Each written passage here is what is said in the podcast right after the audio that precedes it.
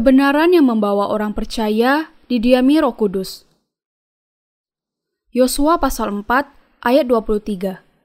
Sebab Tuhan Allahmu telah mengeringkan di depan kamu air sungai Yordan sampai kamu dapat menyeberang seperti yang telah dilakukan Tuhan Allahmu dengan laut Teberau yang telah dikeringkannya di depan kita sampai kita dapat menyeberang.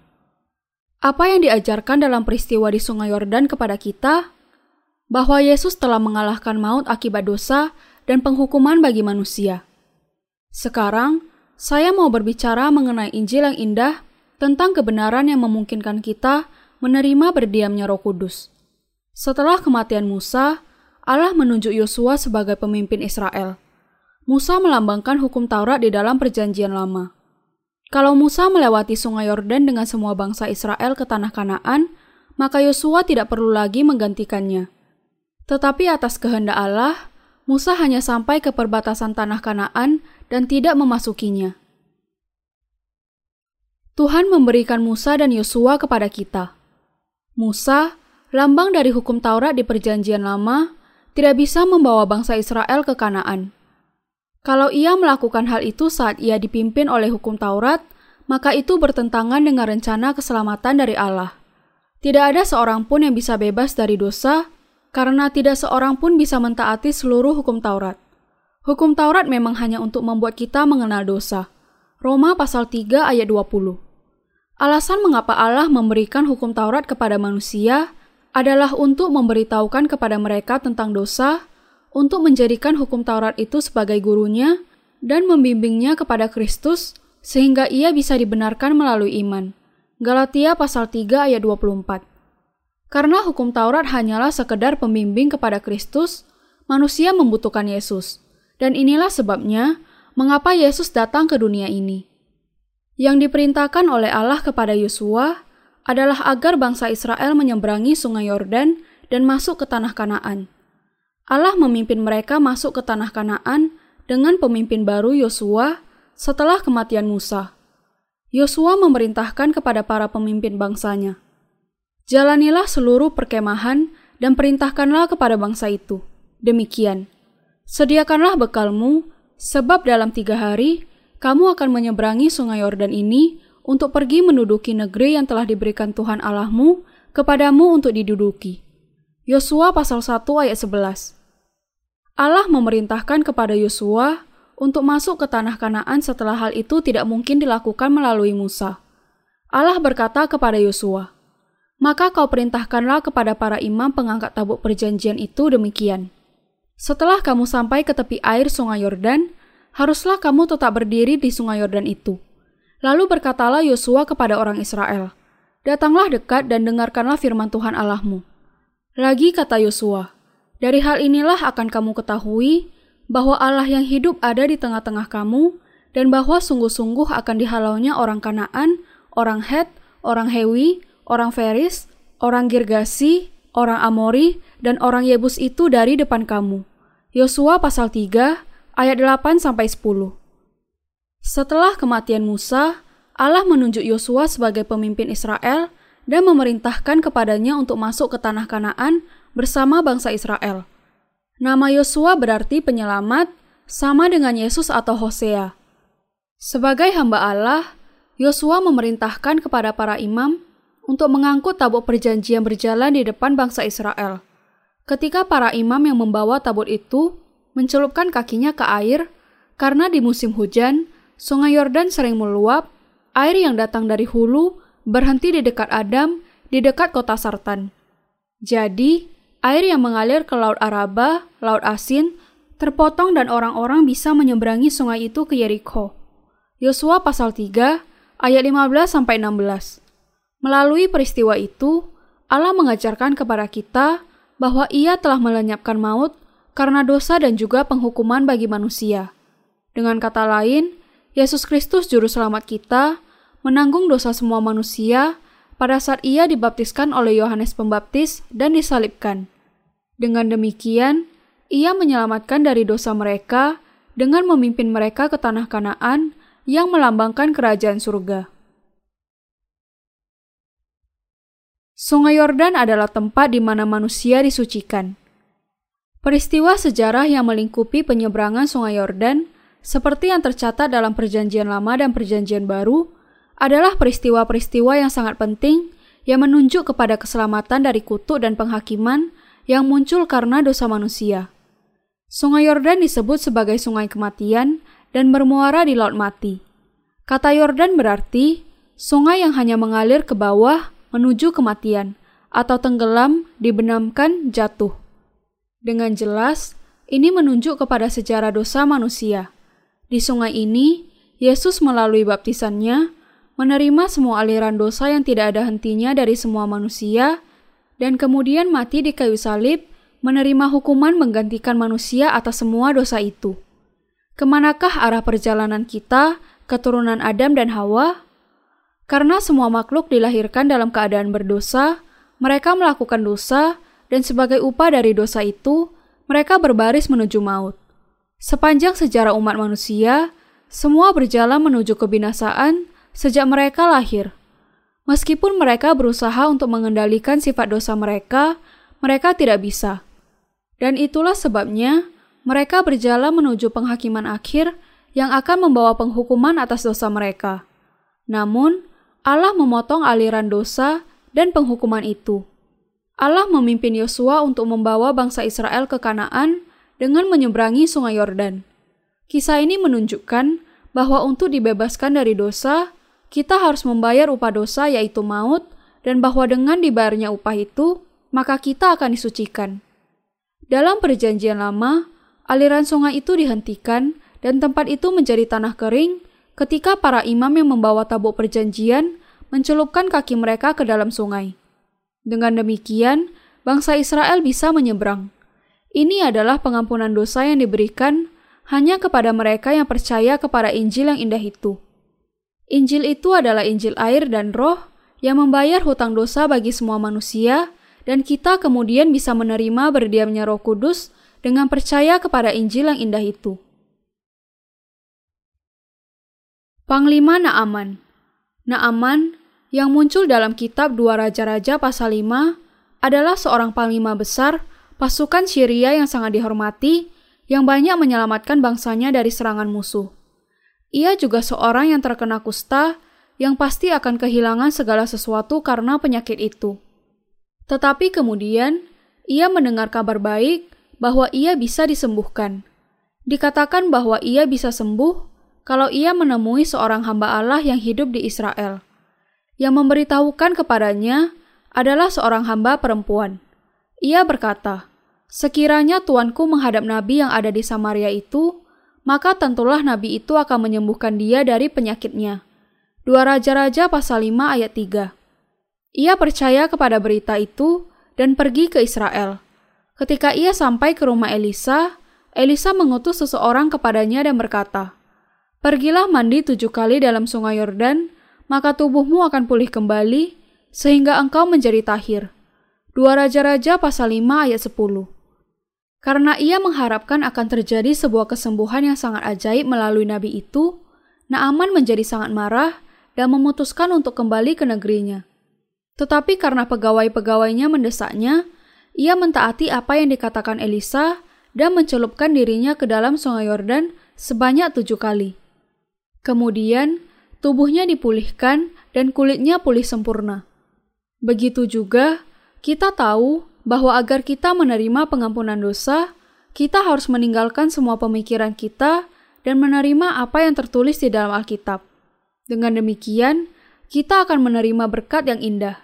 Siapa saja yang mau diselamatkan harus mentaati firman Allah dan percaya sepenuhnya. Alkitab berkata bahwa segala dosa dunia dibasuh melalui Injil baptisan Yesus dan darahnya. Kita tidak boleh berpikir untuk tidak taat seperti Naaman. Kita tidak boleh dibasuh dari dosa tanpa Injil air dan roh. Karena itu, kita harus percaya kepada Injil air dan roh yang indah itu. Sama seperti Naaman menjadi tahir dengan mencelupkan tubuhnya tujuh kali ke dalam air, kita percaya bahwa kita bisa dibasuh dari segala dosa kita dengan percaya kepada Injil yang indah tentang baptisan penyaliban dan kebangkitan Yesus. Kita harus percaya kepada Injil yang indah ini sebagaimana adanya. Mujizat di Sungai Yordan ini memberikan kepada semua keturunan Adam berkat yang memutus aliran sungai dosa dan menghentikan hukuman. Semua manusia diusir dari Taman Eden karena Adam dan Hawa jatuh setelah dicobai oleh iblis. Namun, peristiwa di Sungai Yordan adalah Injil yang indah yang membawa manusia kembali ke Taman Eden. Peristiwa di Sungai Yordan Alkitab menuliskan kabar indah bahwa Yesus menanggung segala dosa di Sungai Yordan. Biarlah hal itu terjadi, karena demikianlah sepatutnya kita menggenapkan seluruh kehendak Allah. Matius pasal 3 ayat 15. Alkitab menjelaskan bahwa segala dosa ditanggungkan kepadanya ketika Yesus dibaptiskan di Sungai Yordan. Dengan kata lain, baptisan Yesus adalah peristiwa yang memotong rantai dosa yang membelunggu umat manusia. Demikianlah Yesus mengakhiri dosa dan memberikan keselamatan kepada kita melalui darahnya di kayu salib. Sungai Yordan adalah sungai yang membasuh segala dosa kita. Kita bisa menggenapi hukum Allah. Upah dosa adalah maut. Roma pasal 6 ayat 23. Karena Yesus membayar upah dosa dengan dibaptiskan di sungai Yordan dan mati di kayu salib. Inilah Injil yang indah yang diberikan Allah kepada manusia. Segala dosa manusia berlanjut sejak Adam, tetapi langsung dihentikan melalui baptisan Yesus di sungai Yordan. Karena baptisan Yesus, tidak ada lagi dosa tersisa. Betapa indah dan ajaib berita itu. Kita dengan percaya kepada Injil yang indah itu, diselamatkan dari arus dosa yang bergelora, disucikan dari dosa, dan menjadi kudus dalam hukum penebusan Allah. Demikianlah baptisan Yesus dan darahnya di kayu salib menyelamatkan semua manusia. Kita harus sungguh-sungguh percaya kepada hal ini. Segala sesuatu yang tidak berdasarkan iman adalah dosa. Roma pasal 14 ayat 23, kata Tuhan. Demikian juga, kita hanya akan diberkati kalau kita percaya kepada Injil yang indah itu. Apakah Anda masih memiliki dosa, meskipun sebenarnya dosa Anda telah ditanggungkan kepada Yesus ketika ia dibaptiskan oleh Yohanes? Yesus menanggung dosa seluruh dunia. Anda harus menerima apa yang tertulis di dalam Alkitab. Hanya Injil baptisan Yesus dan darahnya di kayu salib bisa menghapus dosa Anda dan mengangkat Anda dari maut dan kutuk yang lain. Baptisan berarti dibasuh, diselamkan, dikubur, diserahkan, ditanggungkan. Semua manusia bisa menerima pengampunan dosa dengan percaya kepada Injil yang indah yang diberikan Yesus. Itulah sebabnya Yesus menyebut dirinya jalan ke surga. Kita bisa masuk surga dan memperoleh kehidupan kekal hanya dengan percaya kepadanya. Dialah Tuhan kita yang memberikan kepada kita berdiamnya Roh Kudus. Kita diselamatkan dari semua penghukuman atas dosa kita hanya dengan percaya kepada baptisan Yesus dan darahnya.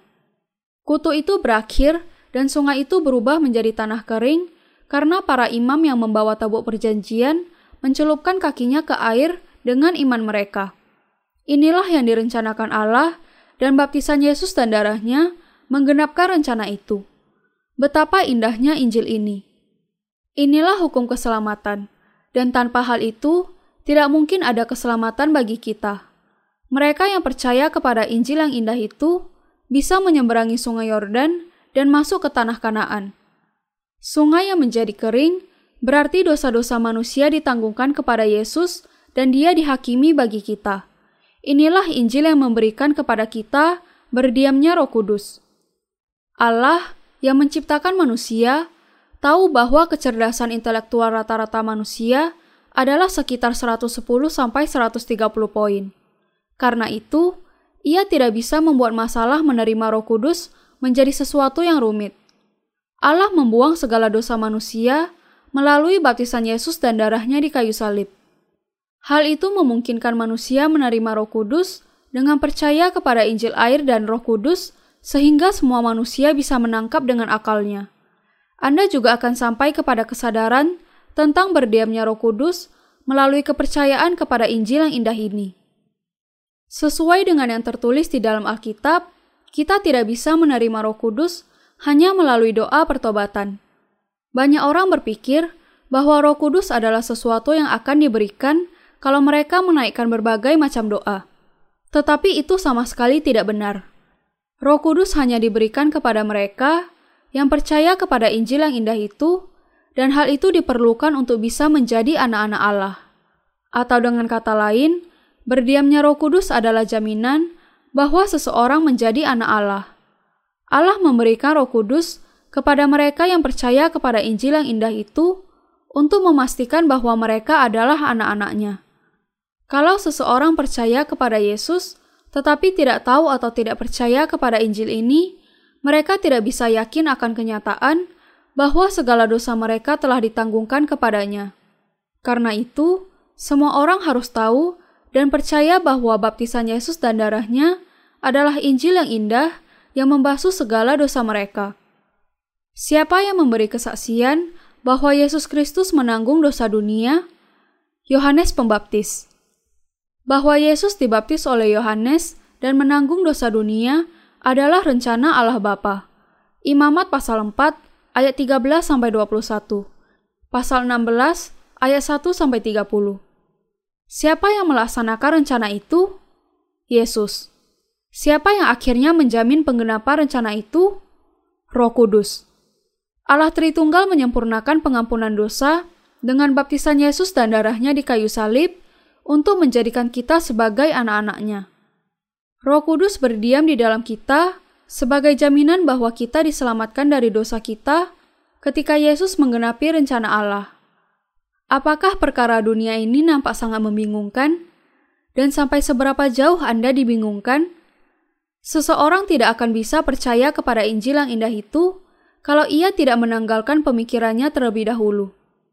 Doktrin kekristenan masa kini yang dipercayai banyak orang adalah dosa asal hilang, tetapi dosa tindakan diampuni kalau seseorang menaikkan doa pertobatan. Tetapi hal itu jauh dari kebenaran yang sempurna, bahkan bisa dikatakan adalah Injil palsu. Kalau Anda percaya kepada hal itu, berarti Anda tidak mengenal Alkitab secara lengkap, dan sejalan dengan berlalunya waktu, maka Anda semakin banyak menemukan kesulitan dalam mengikuti Yesus. Itulah sebabnya, di antara orang-orang Kristen, ada orang-orang yang percaya kepada Injil yang lain dan bahkan Tuhan yang lain. Beberapa orang berkata bahwa mereka menerima berdiamnya Roh Kudus melalui doa. Nampaknya itu masuk akal, tetapi Alkitab menegaskan bahwa Roh Kudus turun kepada Yesus seperti burung merpati ketika ia keluar dari air setelah dibaptis. Inilah Injil yang benar, dan Roh Kudus datang kepada mereka yang percaya kepada Injil yang indah itu. Bahkan, beberapa orang berkata bahwa mereka menerima Roh Kudus melalui doa pertobatan. Apakah Roh Kudus diberikan hanya karena seseorang menaikkan doa pertobatan? Allah adalah benar. Roh Kudus tidak diberikan hanya karena ia kasihan kepada mereka. Tidak peduli betapapun kerasnya seseorang menangis atau berdoa, Roh Kudus tidak akan datang kepada mereka. Ia hanya datang kepada mereka yang percaya bahwa Allah sudah menggenapi rencananya untuk menyelamatkan mereka. Anda harus selalu ingat bahwa Anda tidak akan bisa menerima Roh Kudus betapapun lamanya Anda menangis di hadapan Allah atau betapapun kerasnya Anda berdoa. Roh Kudus tidak terpengaruh oleh kehendak manusia. Keputusan sebesar apa pun yang dibuat manusia bisa berubah. Tetapi Injil yang indah itu dan hukum mengenai berdiamnya Roh Kudus tidak akan pernah berubah. Kalau seseorang tidak mengetahui Injil yang indah itu, sangat sulit bagi mereka untuk kembali kepada praktek iman yang benar. Inilah alasannya mengapa banyak orang tidak bisa menerima Roh Kudus. Betapa kecewanya Anda kalau Anda percaya kepada Yesus, tetapi Anda dibinasakan karena Anda tidak mengenal Injil yang indah itu, bukan? Alkitab berkata bahwa bagi beberapa orang, Injil yang indah tentang Yesus menjadi batu sandungan dan orang menolaknya. Kalau Anda telah mengenal misteri baptisan Yesus oleh Yohanes, Anda juga bisa menerima pengampunan dosa dan menerima berdiamnya Roh Kudus. Ia menyelamatkan semua orang berdosa dengan dibaptiskan mati di kayu salib, dan bangkit. Penebusan yang diberikan Yesus adalah cara yang tepat untuk keselamatan. Ia menjadi juru selamat sejati bagi semua orang berdosa dan menegaskan berdiamnya Roh Kudus. Hanya kalau Anda percaya. Tertulis dalam Perjanjian Lama bahwa pada saat para imam mencelupkan kaki mereka ke Sungai Yordan, sungai itu berubah menjadi tanah kering.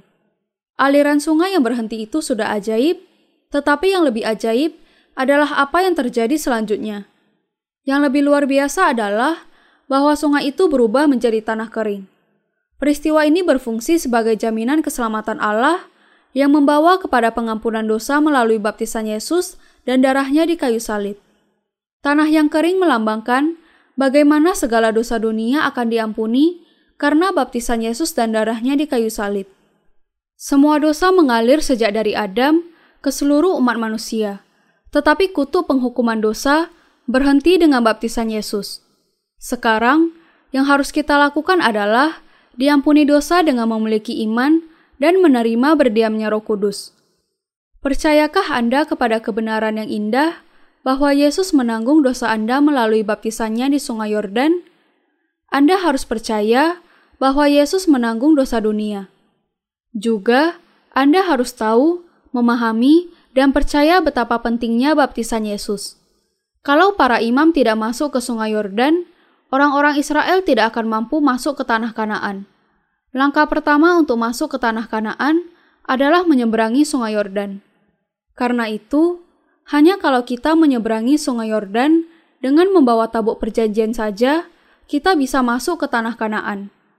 Hal ini mengajarkan kepada kita bahwa seseorang bisa menerima pengampunan dosa dengan percaya kepada Injil air dan Roh. Alkitab berkata bahwa baptisan Yesus adalah pekerjaan Allah. Hal itu juga terjadi dalam kasus para imam tadi. Sama seperti air sungai Yordan berhenti pada saat para imam mencelupkan kaki mereka ke air, manusia di dunia diselamatkan dari dosa mereka dengan percaya kepada Injil ini. Berdiamnya Roh Kudus adalah pemberian karena iman kepada Injil yang indah itu. Baptisan Yesus dan darahnya di kayu salib akan membawa Anda menerima pengampunan dosa dan roh kudus. Injil air dan roh yang indah itu tidak bisa dipisahkan dengan menerima berdiamnya roh kudus.